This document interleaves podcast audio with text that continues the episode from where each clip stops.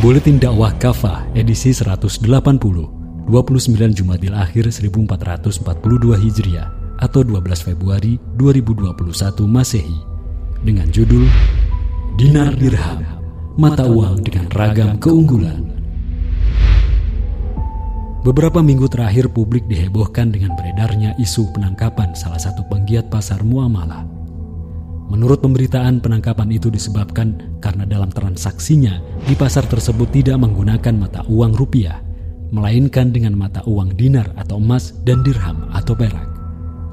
Bares Kim Polri menahan penggiat gerakan dinar dirham tersebut pada selasa malam tanggal 2 Februari 2021. Tersangka dijerat berdasarkan dua pasal yang diatur dalam Kitab Undang-Undang Hukum Acara Pidana atau KUHP yaitu pasal 9 Undang-Undang Nomor 1 Tahun 1946 tentang KUHP dan pasal 33 Undang-Undang Nomor 7 Tahun 2011 tentang mata uang. Dia terancam hukuman penjara paling lama 15 tahun. Apakah betul dasar penangkapan ini karena transaksi tersebut bertentangan dengan regulasi yang ada? Ataukah ada muatan politik tertentu? Jika yang menjadi dasar penangkapan adalah karena penggunaan mata uang selain rupiah, mengapa di beberapa tempat perlakuan yang sama tidak terjadi. Seperti kita ketahui, penggunaan mata uang asing terjadi di beberapa wilayah perbatasan, juga di daerah yang menjadi tempat wisata. Hal itu sudah berlangsung lama dan tidak ada penindakan. Banyak anggapan negatif terkait tindakan aparat tersebut yang cenderung diskriminatif. Apalagi terdapat informasi bahwa penggunaan dinar dirham tersebut dikaitkan dengan ide khilafah.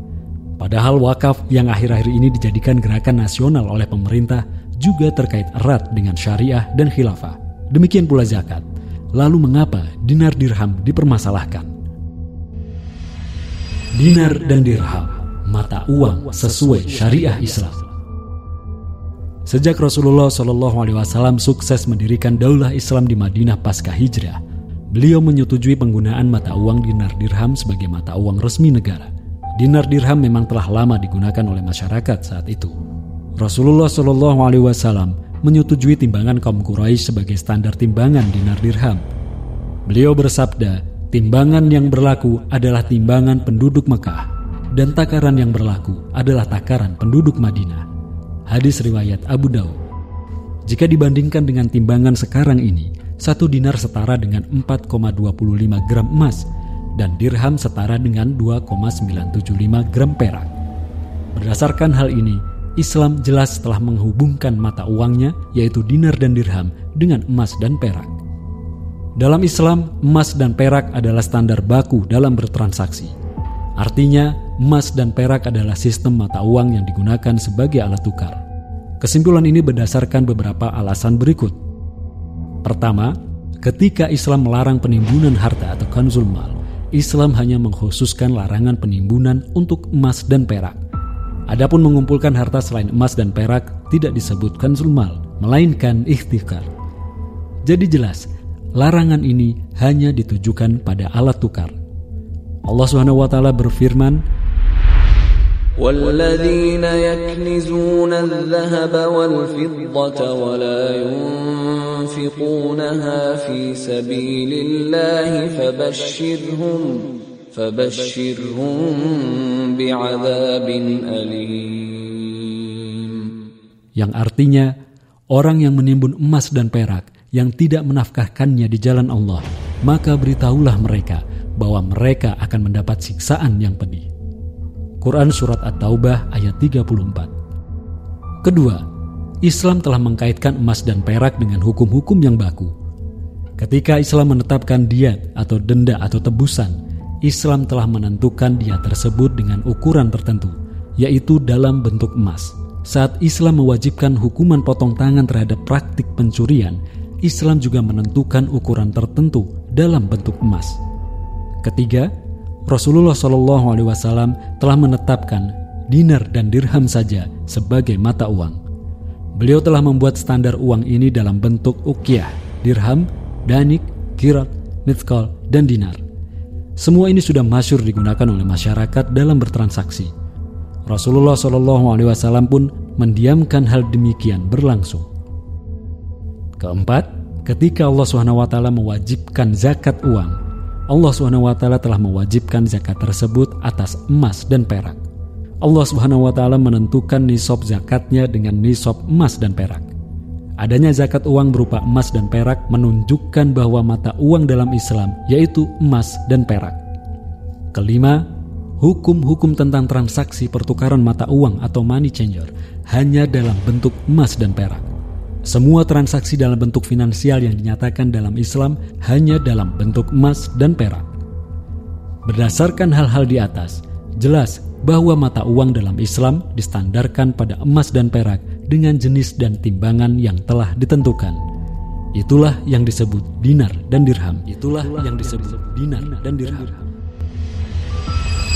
Keunggulan dinar dan dirham. Uang yang saat ini kita gunakan sehari-hari adalah uang kertas fiat money. Uang kertas ini dicetak oleh pemerintah dengan nominal tertentu. Uang kertas ini tidak memiliki nilai intrinsik. Nilai intrinsik hanya sehelai kertas biasa, sama dengan kertas-kertas lainnya. Pasalnya, pemerintah tidak menjamin uang kertas tersebut dengan emas atau perak. Ini tidak hanya terjadi di Indonesia, tetapi di seluruh dunia. Dolar Amerika Serikat juga termasuk fiat money. Dinar dan dirham memiliki banyak keunggulan jika dibandingkan dengan uang kertas fiat money. Pertama, dinar dan dirham memenuhi unsur keadilan dibandingkan fiat money. Pasalnya, dinar dan dirham memiliki basis yang real berupa emas dan perak. Sebaliknya, fiat money sama sekali tidak dijamin dengan emas dan perak. Nilai yang tercetak pada uang kertas di fiat money tidak akan sama dengan nilai intrinsiknya. Hal ini mewujudkan ketidakadilan. Pasalnya, otoritas moneter yang menerbitkan uang sudah mendapat keuntungan yang sangat besar dari selisih nilai nominal yang tertera dengan nilai intrinsiknya. Sebaliknya, dinar dan dirham jelas adil karena antara angka yang tertera dan nilai intrinsiknya sama. Keunggulan kedua, dinar dan dirham lebih stabil dan tahan terhadap inflasi. Berdasarkan fakta sejarah, emas dan perak merupakan jenis mata uang yang relatif stabil dibandingkan dengan sistem uang kertas fiat money. Bagaimanapun kuatnya perekonomian suatu negara, jika sistem penopangnya menggunakan uang kertas, negara tersebut rentan terhadap krisis dan cenderung tidak stabil. Bahkan beberapa kejadian yang berkaitan dengan krisis, salah satunya di salah satunya dipicu karena penggunaan sistem uang kertas fiat money. Penggunaan uang kertas dipastikan akan membawa rentetan inflasi. Hal ini berbanding terbalik dengan dinar dan dirham yang berbasiskan real emas dan perak. Penggunaan dinar dan dirham akan lebih stabil karena nilai nominal yang tertera setara dengan nilai intrinsiknya. Keunggulan ketiga, dinar dan dirham memiliki aspek penerimaan yang tinggi, termasuk dalam pertukaran antar mata uang atau dalam perdagangan internasional. Pasalnya dinar dan dirham tidak memerlukan perlindungan nilai karena nilai nominalnya benar-benar dijamin penuh oleh emas dan perak. Berikut ini adalah contoh sederhana untuk memahami keunggulan dinar dan dirham. Pada tahun 1800, harga emas per satu troy ounce setara dengan 19,39 US dollar. Tapi kemudian meloncat ke tahun 2004, satu troy ounce emas senilai dengan 455,757 US dollar. Dengan kata lain, selama dua abad berlalu, emas mengalami apresiasi yang luar biasa sebesar 2.250 persen terhadap dolar. Contoh berikutnya, pada tahun 1996, ongkos naik haji atau ONH sekitar 7,7 juta rupiah. Hal ini setara dengan 308 gram emas pada saat itu. Sekarang, pada 2021, ongkos naik haji sekitar 40 juta rupiah. Jika satu gram emas hari ini seharga 1 juta rupiah, dengan kepemilikan 308 gram seperti tahun 1996, maka kita bisa memiliki dana sekitar 308 juta rupiah. Dengan jumlah sebesar ini, kita dapat memberangkatkan tujuh orang plus uang sakunya. Fakta-fakta tersebut membuktikan dinar dan dirham dapat menjelma menjadi mata uang yang sangat unggul dibandingkan dengan mata uang kertas atau fiat money mana pun, termasuk dolar Amerika Serikat sekalipun. Banyak pihak yang mengakui keunggulan mata uang yang berbasis emas ini. Alan Greenspan, mantan chairman The Fed berkata, emas masih menjadi bentuk utama pembayaran di dunia. Dalam kondisi ekstrim, tidak ada yang mau menerima uang fiat, tetapi emas selalu diterima. Christopher Wood, Seorang analis emerging market CLSA juga mengatakan, emas adalah satu-satunya jaminan nyata terhadap ekses-ekses keuangan masif yang masih dirasakan dunia barat. Wood juga mengatakan, ketika nilai tukar dolar anjlok, harga emas akan terus naik. Hal yang sama disampaikan, hal yang sama disampaikan Robert Mondel, penerima Nobel Ekonomi. Penerima Nobel Ekonomi ia memperkirakan bahwa emas akan kembali menjadi bagian sistem keuangan internasional pada abad ke-21. Peter Bernstein, seorang pakar keuangan terkemuka di dunia, juga mengatakan secara terbuka bahwa ketika semua mata uang kertas berjatuhan, emas akan menunjukkan kesaktiannya. Emas akan selalu stabil nilainya dan cenderung menguat terhadap mata uang kertas. Khotimah Berdasarkan urian di atas, sejatinya sebagai seorang muslim terikat dengan syariah Islam sebagaimana yang telah Allah taala perintahkan, termasuk dalam penggunaan mata uang dinar dan dirham sebagai alat transaksi. Penggunaan mata uang dinar dan dirham sangat jelas dalil syariahnya dan fakta keunggulannya.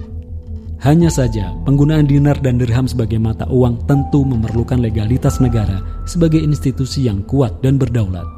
Tidak mungkin semuanya bisa dilaksanakan dengan sempurna kecuali adanya negara yang berani untuk melawan hegemoni kapitalisme global. Negara ini harus berani berhadapan dengan negara-negara besar yang saat ini mendominasi dunia.